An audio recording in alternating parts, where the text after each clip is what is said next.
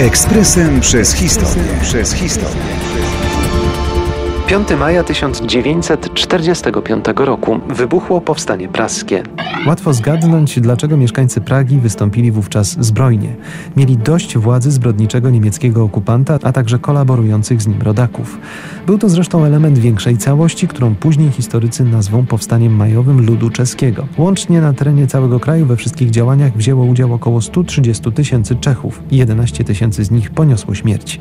Cele tych działań były jasne. Wyzwolenie ziem czeskich spod niemieckiej okupacji, przejęcie z rąk Niemców infrastruktury, rozbrojenie uciekających wojsk niemieckich, zatrzymanie zniszczeń.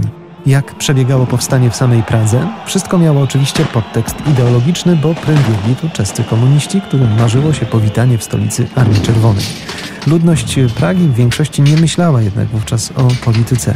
Chciała pozbyć się z miasta niemieckich zbrodniarzy, zanim ci zniszczą miasto uciekając. Mimo, że, co stało się jasne już kilka dni później, wojna właśnie dobiegała końca, Niemcy wcale nie zamierzali odpuścić. Wysłali na ulicę czołgi i jednostki SS i szybko sytuacja powstańców stała się niemal krytyczna. Wszystko zmienił fakt, że 7 maja o godzinie 2.41 Niemcy podpisali bezwarunkową kapitulację III Rzeszy. Była w niej mowa o zaprzestaniu działań zbrojnych przez wszystkie siły lądowe, morskie i powietrzne będące pod dowództwem niemieckim w dniu 8 maja o godzinie 23.01 czasu środkowo-europejskiego. Niemcy jeszcze chwilę temu urządzający rzeź mieszkańcom Pragi teraz musieli podjąć pertraktację z nimi. Efekt mógł być tylko jeden – kapitulacja Niemców w Pradze.